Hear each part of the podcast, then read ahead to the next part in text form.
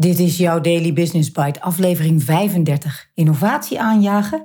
Zes tips om rebellen in je team in hun kracht te zetten door Simone van Nerven, MT Sprout op 11 april 2022. En ik ben je host, Marja den Braber. Je luistert naar Daily Business Bites met Marja den Braber, waarin ze voor jou de beste artikelen over persoonlijke ontwikkeling en ondernemen selecteert en voorleest. Elke dag in minder dan 10 minuten.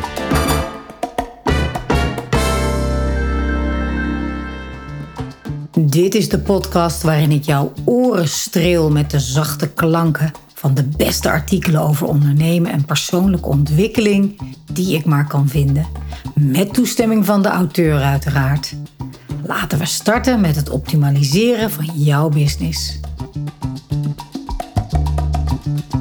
Het omdraaien van vliegtuigen, alle processen om een vliegtuig direct na de landing weer start klaar te maken, is een van de kernprocessen van een luchtvaartmaatschappij. Hoe korter de tijd dat een vliegtuig aan de grond staat, des te efficiënter het kan worden ingezet.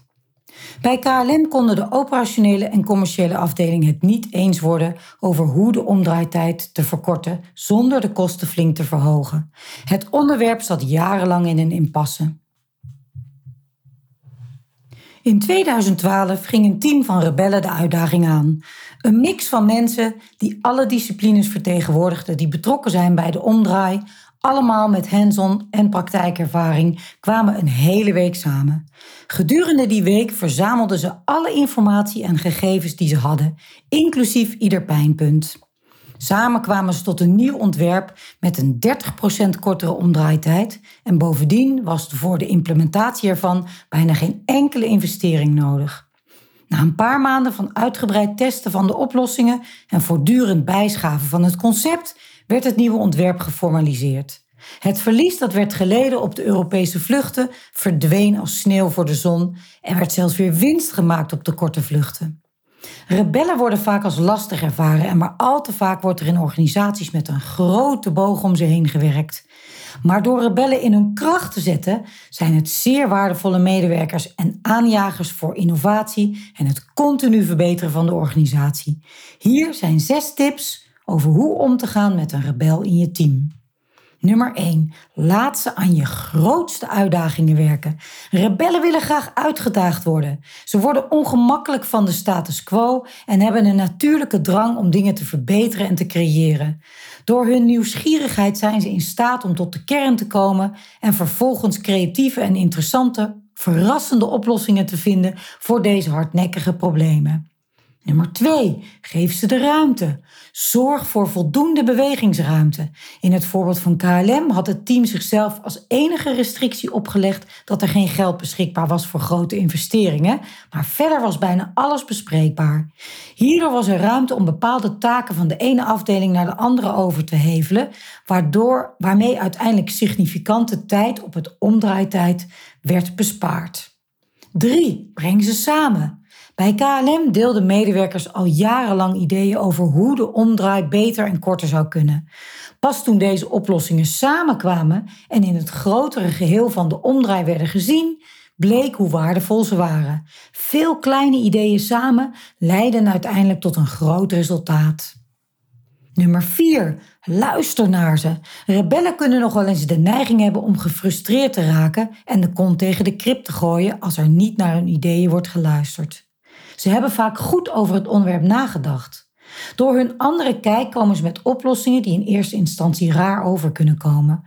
Onderdruk de neiging om deze ideeën direct af te schrijven, maar ga juist in gesprek om te begrijpen waar de rebel vandaan komt.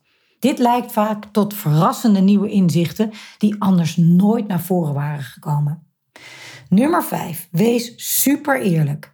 Tijdens de week die KLM organiseerde, kwamen er ook ideeën naar boven waar deelnemers al jaren gepassioneerd over praten, maar waar niets mee werd gedaan.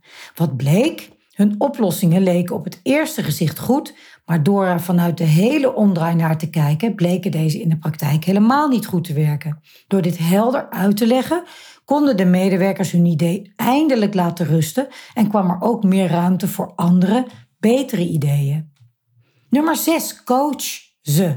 Rebellen storten zich vaak zo vol overgave in nieuwe ideeën en oplossingen dat ze daarbij niet altijd goed aanvoelen of het wel de juiste timing is om deze te delen. Ook kloppen ze regelmatig bij de verkeerde persoon aan, wat in organisaties soms gevoelig kan liggen. Door ze hierin te coachen, leren ze beter te navigeren in een organisatie, waardoor ze effectiever kunnen zijn. Daardoor worden ze ook niet meer als de lastpakken van de organisatie gezien, maar juist als de vernieuwers. Rebellen zijn misschien anders dan de rest, maar dat is juist goed en essentieel voor innovatie binnen jouw organisatie. Daily Business Bites met Marja Den Braber. Je luisterde naar Innovatie aanjagen, zes tips om rebellen in je team in hun kracht te zetten door Simone van Nerven. Wat een fijn artikel weer van deze Rebella Simone over de lastpakken in organisaties. Je kunt ook aflevering 30 Omarm de rebel in je team nog eens luisteren. En dan ook nog een interessant voorbeeld van een van mijn oude werkgevers KLM. Grappig hoe je door zo'n voorbeeld direct weer even terugstapt in de tijd. Maar anyway, wat mij opvalt in veel artikelen die ik verzamel voor deze podcast, is dat ruimte geven en vertrouwen heel vaak wordt genoemd en terugkomt. Ook in dit artikel. Voor mij als co-founder van de V6, waar uiteraard één van de V's ook vertrouwen is, logisch. Maar ik ben op zoek naar wat jou kan helpen om hiermee aan de slag te gaan. Want vertrouwen gaat over de bereidheid om afhankelijk te zijn. Om afhankelijk van iemand anders te zijn voor het behalen van jou of jullie resultaten. En het gaat dus allemaal over overtuigingen en een geloof in de eerlijkheid, maar ook in de competentie van iemand anders. Dat laatste merk ik dat ik zelf altijd belangrijk vind. Hè? Geloven in een goede intentie, maar ook dat iemand het kan. Dus geloof en overtuiging laten ook direct de crux van het onderwerp zien. En ben je bereid om afhankelijk te zijn? En ben je ervan overtuigd dat iemand het wil en kan? Dat zijn de vragen voor vandaag om eens eerlijk met jezelf te bespreken. En dan spreken wij elkaar morgen weer. Dit was Daily Business Bites. Wil je vaker voorgelezen worden? Abonneer je dan op de podcast in je favoriete podcast-app. Meer weten? Klik op de links in de show notes.